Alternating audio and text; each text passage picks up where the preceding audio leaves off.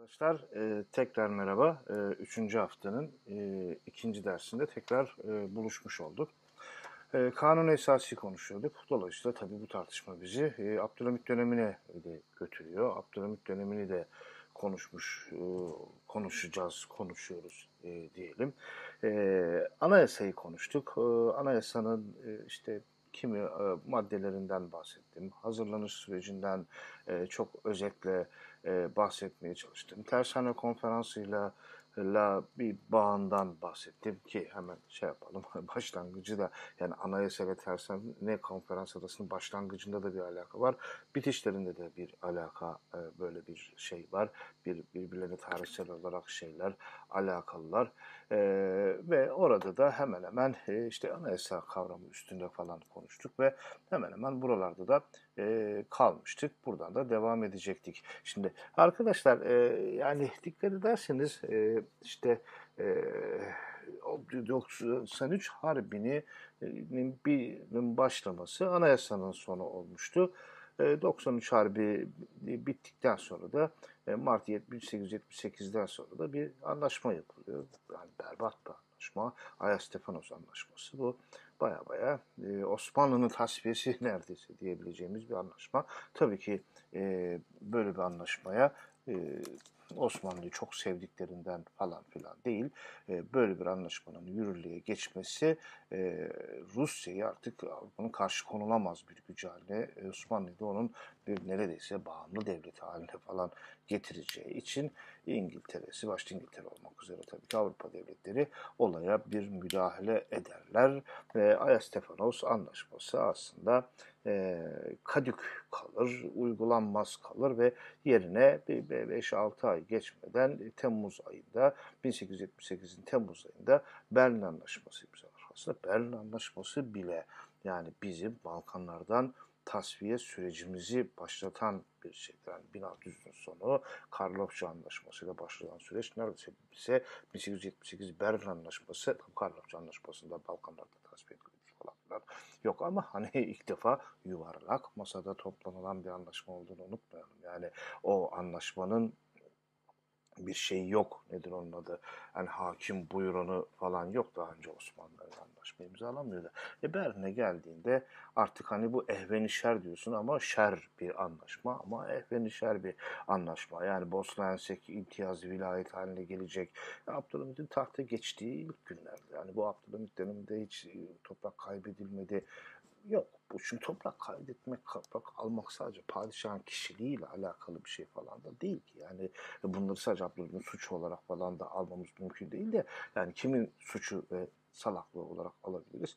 Yani bu Abdülhamit dönemini öveceğim derken bildiğin zırvalamaya, yalan söylemeye, falan çalışan adamlardan falan şey yapmamız gerekiyor. Yani orada Abdülhamit değildi. Yani sen ben olsaydık anlaşma imzalanmayacak mıydı? Yani bir tık aşağı bir tık yukarı. Çünkü şartlar, koşullar biraz da seni oraya getiriyor. Sadece padişahlar, başbakanlar, cumhurbaşkanları bilmem neler falan filan değil. Velhasıl hani bu Abdül, bu işte Abdülhamit döneminin başının çok işte ciddi Berlin Anlaşması'yla toprak kayıpları olduğunu falan söylemek bir tarihsel realitenin altını çizmektir. Ne övmek ne yermektir Abdülhamit. Sonuçta bizi de ilgilendirmiyor açıkçası.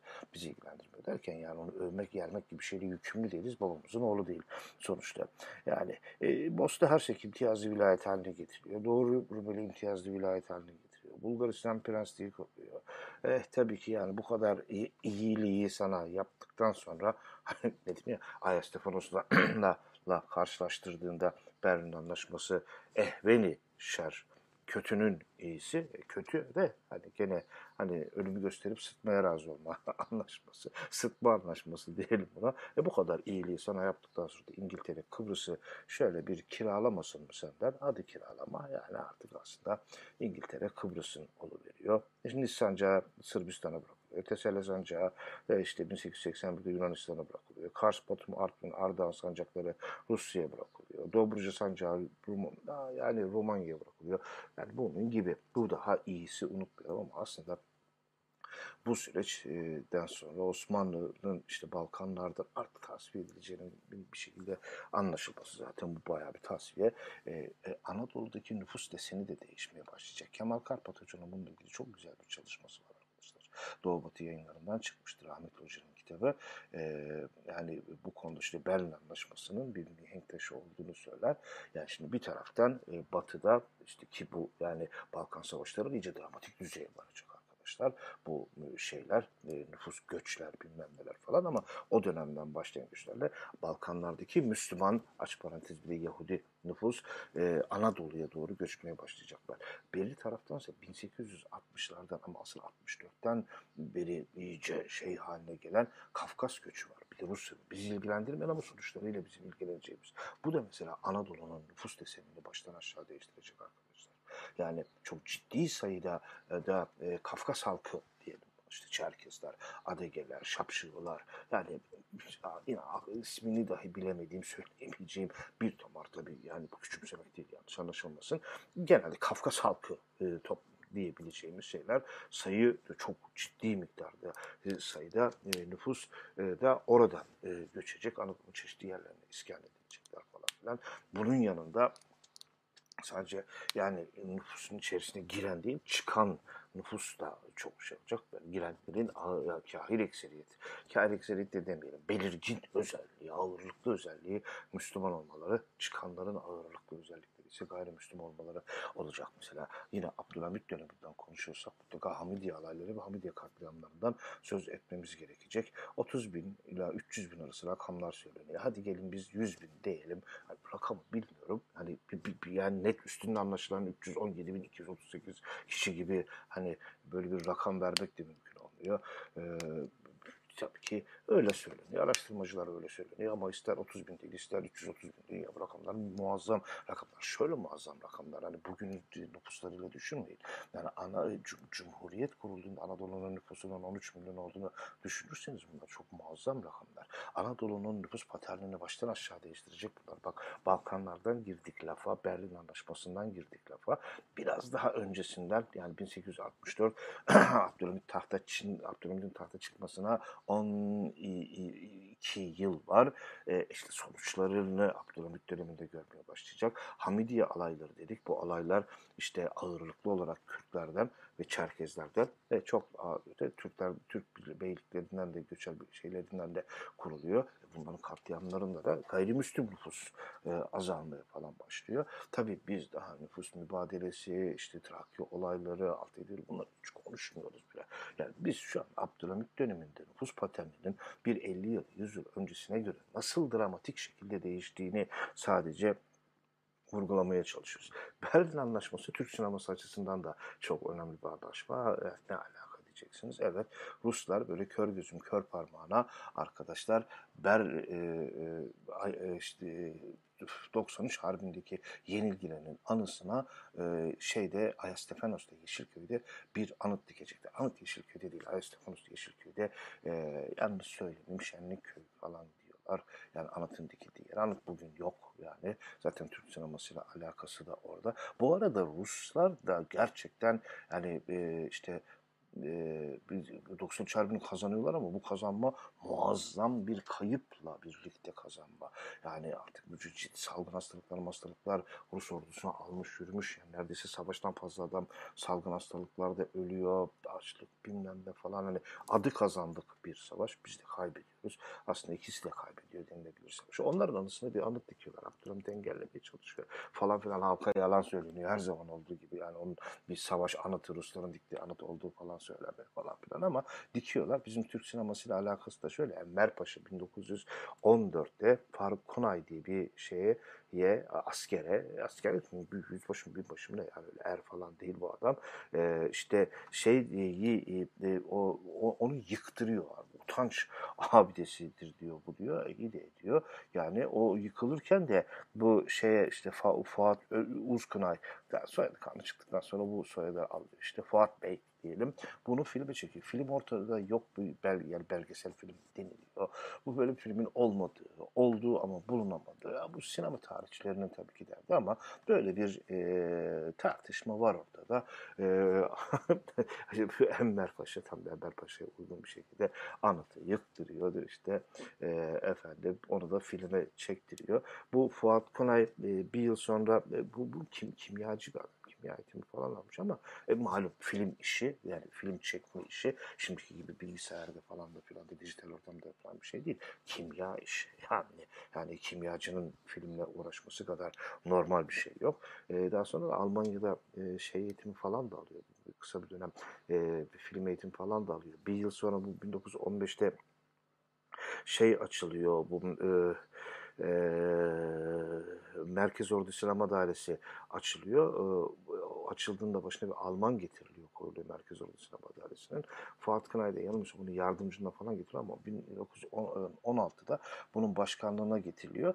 Bu da bizim bu şimdi hala muhtemelen açık tabii ki Türk Silahlı Kuvvetleri Fotofilm Merkezi Komutanlığı'nın e, babası e, diyebiliriz. Atası diyebileceğimiz bir şey. E, yani Berlin Anlaşması yani Türk sineması açısından da e, bayağı önemli bir şey oldu. Şimdi dolayısıyla hani bu anayasa ilanını konuştuk. Böyle, biz yani bir uzun bir dönem, 30 küsur yıllık bir dönem. Yani işte bu dönemde nüfus paterninin, leseninin e, daha böyle o hem Müslüman yoğun hale gelmeye başladığından e, bahsettik ki bu e, e, Balkan Savaşları'ndan sonra ve Cumhuriyet'in ilk dönemlerinde, ilk dönemi yani 50'lerin ortası da dahil olmak üzere ciddi bir şekilde değişecek. Velhasıl 2000'li yılların insanlarıyız. Biz yani e, işte bir 150-200 yıl öncenin Anadolu'su bu Anadolu değil. Yani etnik, dinsel, mezhepsel e, deseni anlamında değil çok farklı. Şimdiki daha farklı arkadaşlar. Şimdi e, yani Abdülhamit üstünde çok tartışılan bir isim. Hani ilk hafta konuştuğumuzu hatırlıyorum. Ya biz bu hani e, işte bazı tartışmalar var ki demiştik arkadaşlar. Ve bunlar bugünün geyiklerine e, bugün geyik de özellikle diyorum yani bugün bir içi boş e, tartışmalarına, bugünkü siyasal kutuplaşmanın tartışmalarına geçmişten bulunan, geçmişte açılan tarih Türkiye'deki bir olay vesilesiyle açılan bir cephe e, vazifesi falan da görüyordu. Bu Abdülhamit mevzu da böyle bunlardan birisi. İşte Abdülhamit bir e, efendim e, despot, despot demeyeyim ben birazdan diyeceğim çünkü farklı anlamda kullanıyorum. Müstebit bir padişah, baskıcı, psik herifin teki miydi? Yoksa efendim işte cennet mekanı bir işte büyük Ulu Hakan öyle deniyor Ve diğer padişahlar ne Ulu Hakan değil, onlar halife mi değil? padişah mı değil neye eksik yani. Tabii ki ikisi de değil bunların ikisi de. Çünkü zaten bunlar Abdülhamit'i tartışma derdinde olan şeyler değiller. Yani bugünün siyasal bölünmüşlüklerinde ne tarihten kendilerine birer malzeme bulmaya çalışan şeyler. Abdülhamit için despot lafını dedim ben kullanacağım diye. Yani enlightened despot diye yani niye böyle dedim? Yani aydınlanmacı despot. Yani bu sadece Abdülhamid'e bir hakaret olarak falan filan şey yapılan değil. Aydınlanmacı despot lafı örneğin işte yani e, bu Rus Kat Katarina içinde kullanılan, İspanya 3. Carlos içinde kullanılan, Napolyonlar için kullanılan, yani bildiğimiz Napolyon artık bir de yeni 13. Napolyon için falan da kullanılan yani işte bu Büyük Frederick için Prusya'nın şeyi onun için falan da kullanılan hatta yani biraz bizi yani bir, biraz zor duruma düşür derken yani pratik siyaset anlamında falan değil. Yani sosyal bilim anlamında içini yani kısmen diyelim, kısmen olsun hadi Atatürk için bile kullanabileceğimiz bir laftır. Buradaki despota takılmayın. Yani otorite aydınlanmacı, otoriter yönetim yani demek istediğimi anladınız. Olumlu olumsuz bir değer şey yapmadan. Belki Abdülhamid'i tanımlayabilecek e, e, yani öyle e, yani o böyle e, duygusal anlamda olumlayan ya da aşağılayan bir kavram olmayan bir şekilde kullanacaksak eğer yani bir enlightened despot kavramının ben e, oturduğunu düşünüyorum. Evet e, otoriter bir adamdan bahsediyoruz. İçinde yaşadığı dönem de kolay bir dönem değil ama bunlar hani bu ya kolay bir dönem değil. Onu da anlamak lazım da tarih bilimi falan da yapılmıyor. Ya da Allah belanı versin şeyle de tarih falan yapılmıyor. Yani e, şimdi e, yani despotlu haf hafiye teşkilatının kurulmasından tutun anayasanın rafa kaldırılması, meclisin toplanmaması bunların hepsi yani e, ay ne güzel ne güzel denilecek şeyler değiller. Peki yani despot tarafı, e, aydınlanmacı tarafı, reformist tarafı e, var tabii ki. Yani olmaz olur mu? Şimdi bir kere yani ucunu milli mücadeleye de bağlayacağım arkadaşlar. Yani demir yolları konusunda muazzam bir gelişme e, bu dönemde şey yapılacak. Yani e, tabii ilk demiryolu Abdülhamit döneminde mi gelecek? Hayır gelmeyecek. Ama 1851'de geliyor ilk demiryolu. Kahire, Ka Kahire demiryolu inşaatı başlıyor. Tabii e, bu yani e, biz genellikle işte 1856 İzmir'deki demiryolunu başlangıç olarak almayı tercih ediyoruz. Ne Anadolu'daki ilk demiryolu, elimizde kalan ilk demiryolu, Alsancakları benim için çok önemli e, şeyi. E, e, ama 18, yani Abdülhamit'ten 20 küsur yıl önce e, kuvveden fiile geçmeye başlamış şeyler. O dönemde bunlar imtiyazlar halinde yapılıyorlar arkadaşlar. İmtiyazı alan ülke şirket, öyle diyeyim size, e, demir yolunu inşa ettiği hattın, demir yolu bir hat malum, işte sağ sol üst alt neyse 20-30 kilometre, bu da 60 küsur kilometrelik bir koridor eder. Boyuncaki bütün işte e, doğal kaynakların bilmem neyin ve işletme demirin işletmesinin imtiyazlarını da satın alıyor. E, çünkü teknolojin yok yani. Sen, senin teknolojin ve teknoloji onu yapacak ne iş için de hiçbir şeyin yok yani. E, dolayısıyla adam senin babanın ağasının hayrına İzmir'de gelip demir yolu da kurmuyor. İmtiyazlarla gelip kuruyor. Yani bunun kötü sonuçları falan da olacak tabii ki yani. E, da iyi bir yol yöntem değil. Ama Cumhuriyet dönemi bunu değiştirecek gerçekten çok önemli. Cumhuriyet'in demiryolu atılımları bu konuda daha farklı bir e, şeyde var. Ona da geleceğiz, şeyde konuşacağız. Ama şimdi e, bu iş e, demiryolu işi 1876'dan önce yani ya, Abdülhamid'in tahta geçtiği tarihten önce başlayacak olan ama yani Abdülhamid döneminde hani hani e, vur dedik öldürdün hesabına olumlu anlamda şey yapmış. Şarkı Ekspresi, Orient Express yani bu dönemde gelecek. Hicaz Demiryolu bu dönemde yapılacak. Yani Haydarpaşa, İzmir, Ankara Demiryolu. Ank Ankara'nın başkent olmasını demiryolsuz konuşamazsın. Ankara'nın başkent olmasını demiryolunu konuşmadan konuşamazsınız. Ama bakın burada yine gene döndük ilk haftaya. Yahu Abdülhamid'in işte tren yolu politikası Ankara'ya trenin gelmesi, Ankara'nın başkent olması eşittir. Cumhuriyet'in ilanında Abdülhamid'in rolü tartışılır. Öyle değil. Abdülhamid'e bir niyet yüklemeyin bu konuda. Hani aynı şeyleri tekrar tekrar söylemek istiyorum. Mesela aynı şeyi hatırlatayım geçeyim bu seferlik. Ama böyle yani. Ama Ankara'nın başkent olmasını konuşacaksan tren yolu konuşacaksın. Trenin önemine birazdan da geleceğim zaten. Selanik Manastır Demir Yolu ama tabii ki en önemlisi bir prestij şey olan e, demir yolu olan ve e, 500 kilometre civarı bir e, yol. Yani aslında dünya da o dönemde de uzun bir yol değil ama bizim için bayağı uzun bir yol. 500 kilometre o dönemde. E, Hicaz Demir Yolu kutsal topraklara giden e, demir yolu e, muazzam önemli. Şimdi e, bir böyle minicik şeyleri bir sayayım sonra tekrar başa dönüp bunlar ne anlama geliyor burada bir konuşmak gerekecek.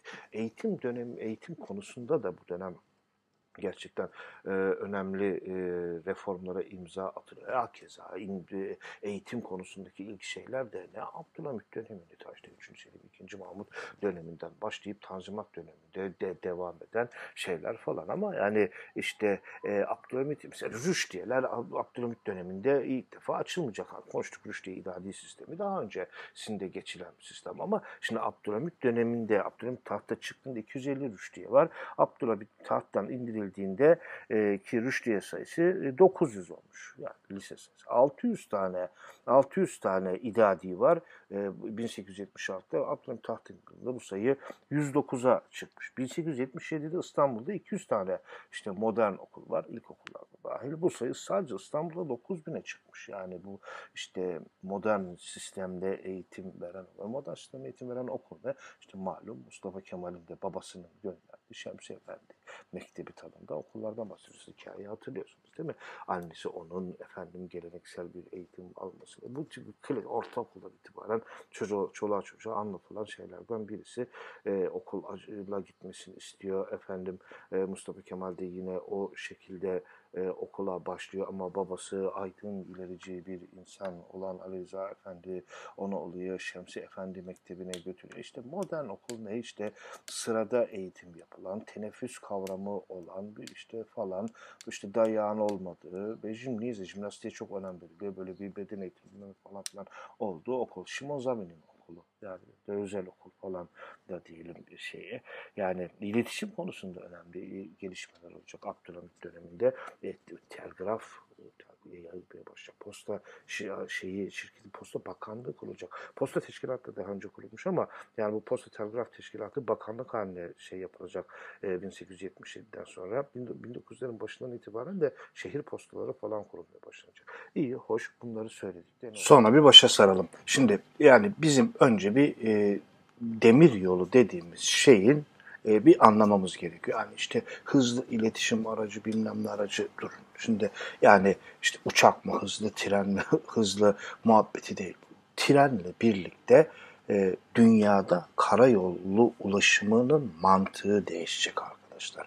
Bir kere bunu anlamamız lazım. Hakeza sanayi devrimiyle birlikte e, denizde de ulaşımın mantığı değişecek. Ama var olan bir gemi hızlanacak. Bak orada hızdan bahsedebilirsin. Gemi işte gemi teknolojisi değişiyor ama gemi. Gemi yani daha hızlı gidiyor. Daha önce yelken gücüyle giden gemi, daha önce işte köle gücüyle, le, işte kürek mahkumları gücüyle falan giden gemi artık e, işte e, buharlı şeyle gidiyor. Yani onun gücüyle gidiyor yani. Tamam. Yani burada nicel bir sıçrama var, muazzam sıçrama. Ama demir yolu ile birlikte dünyada nitel bir sıçrama Ondan öncesi e, ondan öncesi yok. Şimdi e, ondan öncesine kadar arkadaşlar demir yoluna kadar e, dünya genelinde e, deniz yolları eğer mümkünse tabii o da sen her yerde deniz yolu iletişimi yapamazsın ki. E, ama e, deniz yolu karayolundan daha elverişli bir ulaşım aracı. Çünkü sen e, efendim bilmem kaç bin ton buğdayı bir yere koyup götüremezsin. Gemiye koyup götürürsün. Ha bunu rüzgarla götür, çektirirsin, kürekten 100 tane adam koyar çıktırsın. Rakamları atıyorum şimdi bana demeyin ki hani 100 tane kürekli mahkum şey gemi mi olur ne bileyim ben olur mu olur yani bu savaş teknolojisi ya da işte ticaret işte gemileri teknolojisi falan bunlar apayrı uzmanlık alanları arkadaşlar. Bunlar tabii ki benim pat diye hepsini ezbere bilmemi falan tabii ki beklemiyorsunuzdur inşallah ama e, şimdi yani ama bir şekilde şurası gerçek 50 kürekli gemi, 100 kürekli gemi, 3 yelken yelkenli gemi, beş yelkenli gemi ama velhasıl e, senin e, bu kadar adamı, e, bu yükü bilmem neyi götürebileceğin yegane şey bu. Öbür türlü karayolunda bunu yapmak istersen ticaret kervanları yapman falan gerekiyor. Bu tabii ki çok daha maliyetli bir şey. Yani bin ton buğdayı, on bin ton buğdayı bilmem neyi karayolundan götürmeye kalktığında uzun, maliyetli, riskli riskli.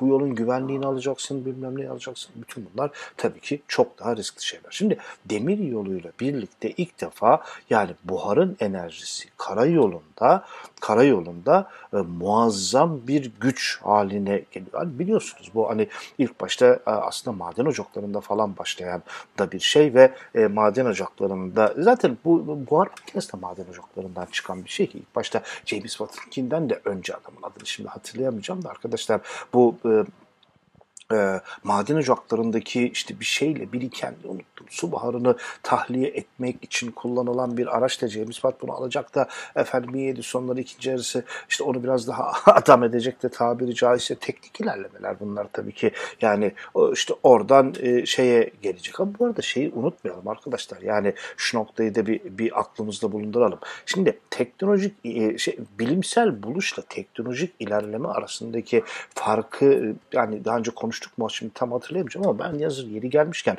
burada bu noktaya da izninizle bir değinmek istiyorum. Şimdi arkadaşlar e, e, buharın ısındığı zaman e, genleşmesi Bütomar tahtaya yazılan hani daha önce konuştuysak burada tekrar oluverdi ama e, bir şeydir bilimsel ilerlemedir tamam mı? Yani bitti bu doktora tezi yazarsınız bununla falan formüller formüller formüller e, işte x y z'ler aldı Bitti bu kadar. Şimdi bundan sanayi devrimi olmaz.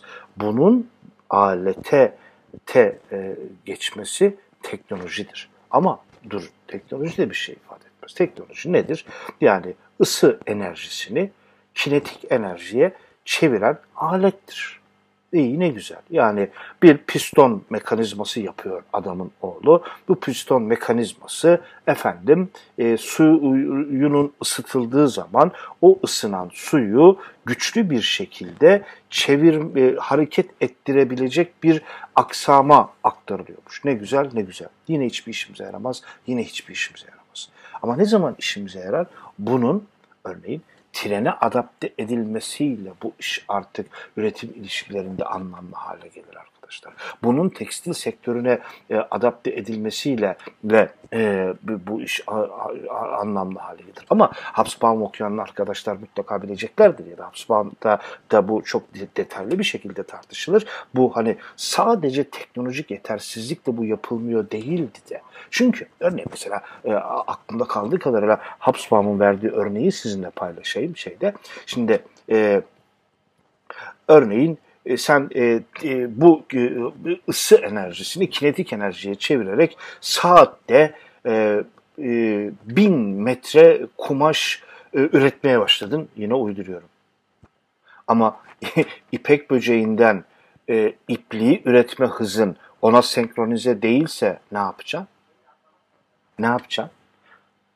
E, ondan gömleği dikme hızın fabrikasyon değilse ne yapacaksın? Yani Habsburg da tabii ki vurgular ki bu iş yani sanayi devrimi işte o İngiltere'nin birçok özelliğinin orada kesişmesiyle falan oluşuyor. Yoksa kimse e, efendim suyun itme gücünü 1700'lere kadar bilmiyordu ve onu bilir bilmez sanayi devrimi olduğuya getirmemek de gerekiyor mevzuyu. Yani bunu bildik ve su itiyormuş efendim ısıtılınca buharlaşınca itiyormuş ve sanayi devrimi oldu dünyada işte. Hayır yani bu birçok faktörün bir araya gelmesiyle falan olan bir şey. E, bu Hobsbawm'ın hepsinin ismi tek tek saymak mümkün değil. Ben o kapsamlı serisini diyeyim yani e, şeyden alıp yani sanayi devrimi sonrasında günümüze kadar getiren yaklaşık günümüze kadar getiren o muhteşem serisini mutlaka okumanızı, detaylı okumanızı tavsiye ederim. İlgilenen arkadaşlara tavsiye ederim. Ders için değil arkadaşlar. Şimdi biz yani olay şimdi sanayi devrimi muhabbetine falan filan da ha sanayi devrimi muhabbetindeyiz ama yani sana işte İngiltere'de sanayi devrimi nasıl oldu bilmem ne falan filan oraya da çok şey yapmıyorum ama treni konuşuyoruz. Trenle birlikte işte trenin devrimci gücü bu. Yani bilimsel bilimsel buluşu işte ne ısınınca kinetik enerjiye dönüşüyor. Trene adapte edebiliyor. İşte bu büyük bir sıçrama. Nerede? Yani deniz yolunda da yapıyor ama karayolunu muazzam devrimci bir dönüşüm sağlıyor.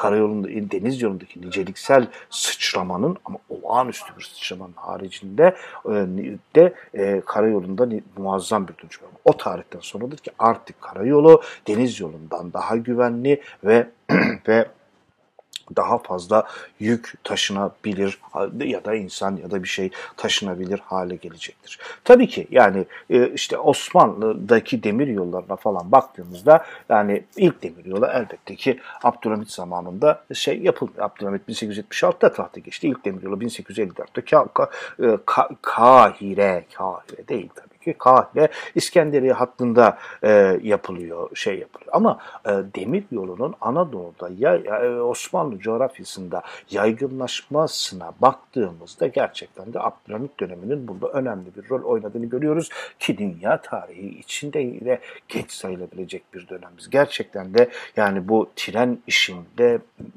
yani 1850'lerin ortalarına gelindiğinde yani ben şu anda rakamlar önümde ya da notlarım arasında yok ama 1800'lerin ikinci yarısında e, işte Rusya'daki efendim e, işte İngiltere'deki Fransa'daki Amerika'daki demir yoluyla Almanya'daki demir yoluyla Osmanlı'daki demir yolu karşılaştırıldığında içler acısı bir durum var yetmez. İkincisi bizim demir yolu e, gelişimimiz ne yazık ki bunda yani ne işte Abdülhamid'in suçu vardır ne onun ne suçu vardır. E, bu tabii ki imtiyazlar şeklinde de olacak. Şimdi bakıyorsun 1860 yılında Anadolu'ya ilk demir yolu geliyor. Şimdi Kahire İskenderiye demir yolu milli mücadeleden sonra ya da işte Mondros'tan sonra e, seninle bir alakası yok. Yani bilmiyorum bugün de kullanılıyor mu ya da belki muhtemelen şöyledir. Hani tabii ki e, modernize edilmiştir şimdi orada bir şekilde kullanılıyordur da yani sana Yani o tarihten sonra seni ilgilendiriyor. Anadolu'ya gelen ilk demir yolu arkadaşlar 1860 yılında geliyor. E bu da tabii ki yani e, bir, bir şey İngiliz şirketi tarafına e, tarafından getiriliyor. İzmir'e getiriliyor. Yani peki niye İzmir? Yani yani senin ihtiyaçlarından ziyade yani o o işte kapitalistleşme sürecinde merkezin e, seni periferileştirme sürecine bağıl bir şekilde sana demir yolu geliyor. Ondan bağımsız değil. Elbette ki yani detayı tam bile, ya şu detayı tam bilemeyeceğim. Acaba o pazarlık sürecinde biraz aşağıdan geçsin, biraz yukarıdan geçsin. Azıcık da bizim için şuradan da geçirin denmiş de efendim onlar da hadi yani buradan da geçelim demin o kadar da bilemeyeceğim. Demiryolu tarihçisi falan bir anda değilim. E bunlar yani önemli bilgiler. Keşke bileydim yani şey ama ama ağır ağırlıklı olarak şunu net bir şekilde söyleyebiliriz. Burasını vurgulayabiliriz. O işte yani e, nasıl ki bu dönemi tartıştığımız dönem Osmanlı'nın o dünya sistemine eklemlenme sürecidir ama aynı zamanda perif semi periferileşme ya, ya da bir şekilde yanaşma eklemlenme sürecidir. Bu bu eklemlenme süreci dahil olma süreci eşitsiz ilişkiler şeklinde e, cereyan etmektedir ki öyledir biliyorsunuz. Emperyal süreçle dahil olmaktadırsın sen e, bu sürece e, ama e, tren yolu da işte o, o ana mantığın güzergahlarını, o ana mantığın ihtiyaçları doğrultusunda şey yapacaktır. O yüzden İzmir'den başlar çünkü Anadolu'nun içlerinde, Osmanlı'nın içlerindeki ürünlerin bir şekilde kıyıya taşınma ihtiyaçları ki zaten imtiyaz şeklinde gelmiş senin demir yolların ve oradan da bunların Avrupa'ya bilmem nereye falan filan taşınma ihtiyaçları senin kendi bizatihi ihtiyaçlarından e, daha e, şeydir fazla o çok daha fazla ön plandadır. Şimdi bakıyorsun 1865'te İzmir kasaba 1869-1877 arasında Şark demir yolları Şark Şark Şark denince aklınıza Balkanlar gelecek. Yani biz Şark deyince başka bir şey anlıyoruz da yani Doğu sorunu dendiğinde de değil mi? Ya Doğu tütünü dendiğinde bile adam sadece yani Balkan tütününü falan anlıyor yani işte Şark Demiryolları dendiğinde de yani işte Rumeli Demiryolları e, bakıyorsun Rumeli Demiryolları da işte 1800'lerin 70'lerin başı 1869'da başlıyor. 1877'ye kadar falan devam eden süreçte e, bu e, şey yapılıyor. E, nedir onun adı? E, şeye giriyor. 1872'de Anadolu, Bağdat ve Cenup Demiryolları e, şeye giriyor. 1874'te Mudanya, Bursa, 1899'da Horasan, Sarıkamış e, şeye e, hat hattı döşenmiş oluyor. Arkadaşlar yani e, bu şeye Hicaz Demir Yolu'na kadar yani bizim ki yani prestij projesi. Ama yani gene sana yaramayacak. Yani Abdülhamid'in prestij projesi ve yaklaşık 1500 kilometre civarında bir proje. Yani ve işte yani kutsal topraklara kadar falan gidiyor ki hani hani sadece ulaşım olarak falan düşünmeyin. Bu baya baya bir e, prestij projesi şeyin e tabii gönül isterdi ki gene binip şimdi yani yurt dışına gitmeden binip e, gidebileydik oralara. Ama e, e, işte elimizde e, çünkü yani Mondros'la birlikte senin elinde kalacak olan dikdörtgen nedir ki şeyden? Yani Osmanlı'nın son dönemiyle bile kıyasladığında bile yani 1923'te e, işte imparatorluk bir 50 yıl öncesinin Osmanlı'sının coğrafyasıyla kıyasladığında bile 50-60 yıl yani neredeyse seninkinin iki katı üç katı toprak var burada. E, yani e, ve oralarda Osmanlı hani niye Anadolu'ya yatırım yapacağım? Niye yavrum sadece Anadolu'ya şey yapsın? Sonuçta Hicaz Demiryolu 1500 kilometrelik bir prestij proje. Kahire Demiryolu hakeza Mısır çok önemli bir yer. Yani önce orayı bağlayacak. Yani işte Çorum'u bilmem nereye bağlamayla demiryolu yapacak hali falan yok. Bu şeyden Türkiye'ye 4000 küsur kilometre civarı demiryolu kalmıştır ki içler acısıdır. İçler acısıdır yani. Ve yani ana e, e, yeni e, kurulan rejimin ana Anadolu'da kurulan rejimin e, işte demir ağlarla ördük ana yurdu dört başlar. Bunu bu bunu ta şarkılara, marşlara efendim e, rap edilmesindeki espri de arkadaşlar burada gizlidir. Buna rap eder adam çünkü gerçekten önemlidir. Demir yolları e, efendim millileştirilir. E, demir yolları e, imtiyazlar olmaktan çıkartılır ve e, ana yurdu dört baş baştan örerler. Gerçekten örerler mi? Hayır öremezler. Yani ne diyor örüyorsun? Hani hani ciddi bir eksik şeylik var. Yani e, zor bir şey bu. Hani bir yandan var olanı millileştiriyorsun, bir yandan gemi demir yolu inşa ediyorsun. Ne teknoloji var, ne şu var, ne know-how var, ne bir, bir, bu işi bilmiyor. Yani bu işi bilmiyorsun. Yani elinde senin mühendisin yok. Yani bunların için hepsi için dışarıdan adam alman gerekiyor. Sen sen de imtiyaz olmaz falan filan diyorsun. Dolayısıyla yani Anadolu'da işte demir ağlar hani ben bunları yalan söylüyorlar muhabbetinde falan değilim. Tabii burada bir yürekli bir şey var. Hani demir ağlarla her tarafı ördük bir bal peteği gibi her tarafa tren götürdük demek istiyor. Yo Cumhuriyet ama tren 1930'da Sivas'a gelecek arkadaşlar. Yani hoş geldin yani Sivas. Anadolu'nun üçte ikisi.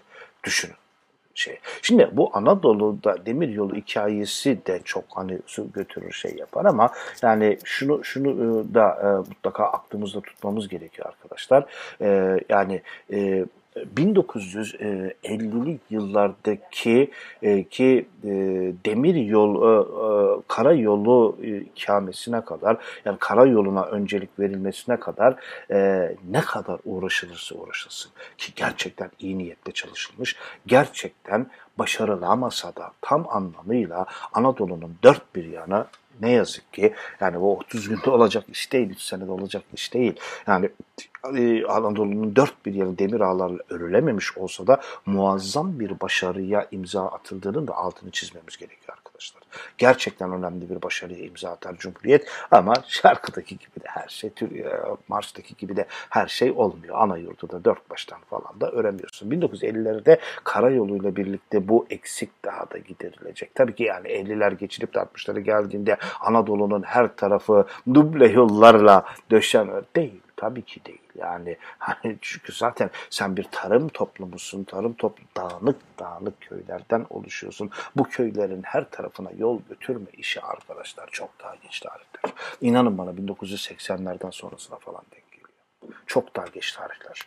Yani ki yani e, sen köy bütün köylere şeylere ne sen e, yol götürüyorsun 1950'lerde de ama unutmayalım ki yani Cumhuriyet'in daha ileride konuşacağız tekrar bunlar arkadaşlar ileride tekrar değineceğim bunlara Cumhuriyet'in yani o işte baştan alalım Abdülhamid'in o demiryolu politikası evet yani önemli bir atılım. Peki ondan bize ne kalacak? Çok da bir şey kalmıyor en başta en prestij proje elimizde patlayacak. Abdülhamid öncesinde kullan Kahire İskenderiye hattı da elinde patlayacak seni.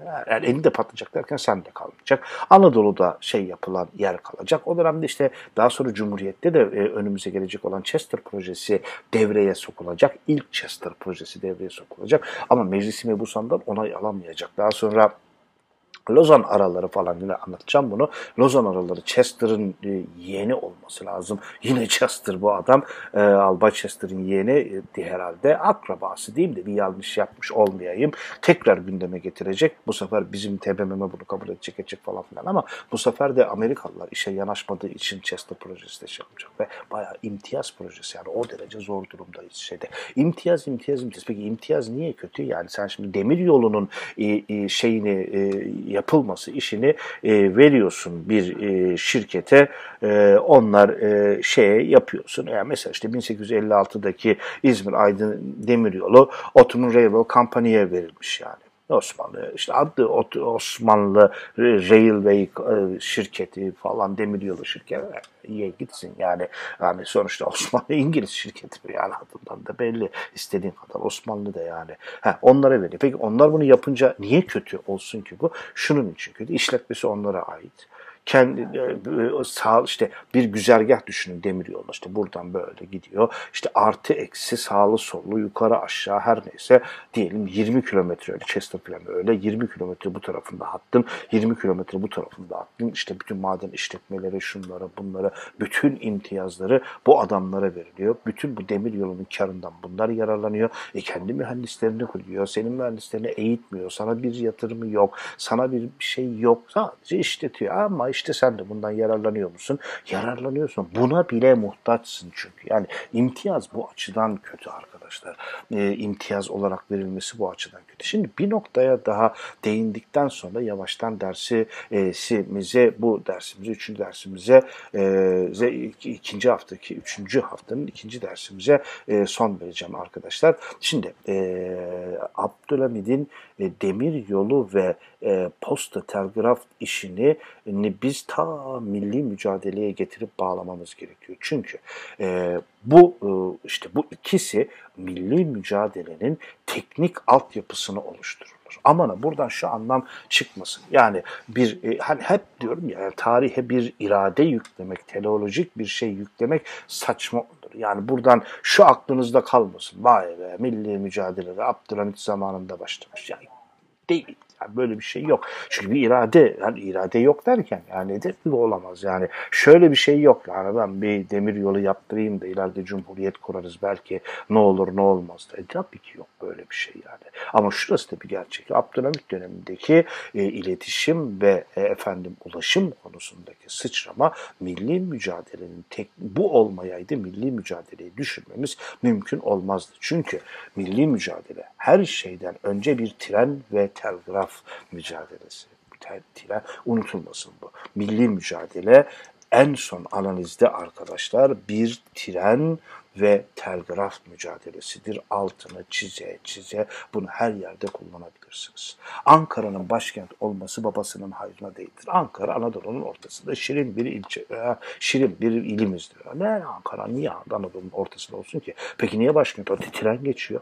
Tren geçmesi de yetmez. Atatürk Ankara'ya geldikten sonra kaldığı yerlerden birisi nedir? Neresidir arkadaşlar? Direksiyon binasıdır, direction binasıdır, idare binasıdır. Ya oradaki yani çok yakın zamana kadar müzeydi. Şimdi bu oraları gidip görmek bile istemiyorum. Son değişikliklerden sonra özellikle yani Ankara Gar katliamından sonra yıllardır uğramadım. Uzun yıllardır uğrayabileceğimi zannetmiyorum. Çünkü en son katliamdan orada o da olacaktım. Gidem, geç gittim. Ee, işte hani geç gittim. Erken zamanda gittim ama patlamayı duyar duymaz gittim. E, o tarihten sonra da oralara şey yapamadım. Hiç şu anda açık mı değil mi bilmiyorum. Bilmek de istemiyorum ama e, direksiyon binası o küçücük bina Fikriye Hanım'da da kaldıkları falan de, de, şey bina e, yani uzun uzun yani idi. E, hala duruyordur bilemeyeceğim. Şimdi ne oldu dediğim gibi onu da bilmiyorum. Tamam kar katliamını atladık falan ama arkadaşlar e, e, şeye yani peki Atatürk yani bir, hiç mi bir yer bulunamadı da orada kalıyor? Yani tren, tren çok önemli. Şimdi bir de arkadaşlar tabii ki e, e, yani milli mücadelenin bu iki yönünü de şey yapmamız gerekiyor. Biz buna ilaveler yapacağız daha sonra. Milli mücadelenin e, teknik altyapısı Abdülhamit döneminde inşa edildiyse milli mücadelenin lider kadrosunun e, siyasi doğum tarihi ve milli mücadelenin e, psikolojik altyapısı da Çanakkale Savaşları'nda inşa edilecek. Ve milli mücadele mesela bu olmadan da olamazdı. Yani sadece Atatürk olmadan olmazdı anlamında falan filan değil. Etrafında toplanabilecek alternatif isimlerden biri olarak Atatürk orada ortaya çıkacak. İkincisi evet ordu iyi idare edilirse evet bu şey hala doğru düzgün idare edildiği takdirde biz öyle Balkanlara falan Bulgarlara Yunanlara falan yenilen bir ülke değiliz. Aksine efendim biz daha önce 3. zamanı 1807'de Çanakkale geçilecek yani daha sonra da yani e, Mondros zamanında geçirecek ama bak iyi idare edildiği zaman 1915'in Mart'ında demek ki Çanakkale geçilemiyormuş. Bak biz bu işe iyi, doğru düzgün organize edersek hala yapabiliyormuşuz düşüncesi de arkadaşlar işte o dönemlerde gelecek e, zihinlere çakılacak. Dolayısıyla aslında milli mücadele buradan pat diye atladık milli mücadele ama atlayalım hiç sorun değil. Çünkü tren, telgraf konuşuyorduk biz arkadaşlar. Bu ikisi olmadan milli mücadele olmaz. Hakeza yani daha önce de söyledim yani tel, telgraf da dünya iletişim tarihinde ilk kez değil mi? Yani ulaşmadan iletişmeyi sağlayan muazzam bir aletti. Evet bir radyo değildi, e, bir telefon hiç değildi. Yani insanlar e, evlerine telgraf hattı kurdurmuyorlardı. Batı'da, Avrupa'da çok büyük şirketlerin, devletlerin telgraf hatları ya da onlardan onlar yararlanıyorlardı. Vardı falan. Ama arkadaşlar e, ilk defa dünya tarihinde işte onunla birlikte e, oturduğun yerden e, iletişmek imkanı da doğmuş oldu ve bunların milli mücadeleye olan katkılarını e, unutmamak gerekiyor. E, şeyi toparlayacak e, olursak arkadaşlar e, işte e, yani olayı bundan sonraki şeye bağlayarak e, yavaştan dersimizi sonlandıralım. Bu bu oturumu yavaştan toparlayalım. Yani trenin ve e, ulaşım, e, ulaşım diyorum. Trenin ve telgrafın hem e, işte e, Osmanlı coğrafyasındaki hikayesini size ana hatlarıyla özetlemeye çalıştım. Hem de e, işte onun milli mücadeleye bıraktığı yerle ilgili aslında size sadece 2-3 tiyo verdim. Daha sonra tekrar aynı konuya milli mücadeleyle ilgili olarak şey yaptığımızda dönüp bunları mutlaka hatırlatacağım size arkadaşlar. E, şey olarak. Evet bu haftaki dersimizi burada sonlandırıyoruz. Herkese iyi günler diliyorum. Görüşmek üzere arkadaşlar.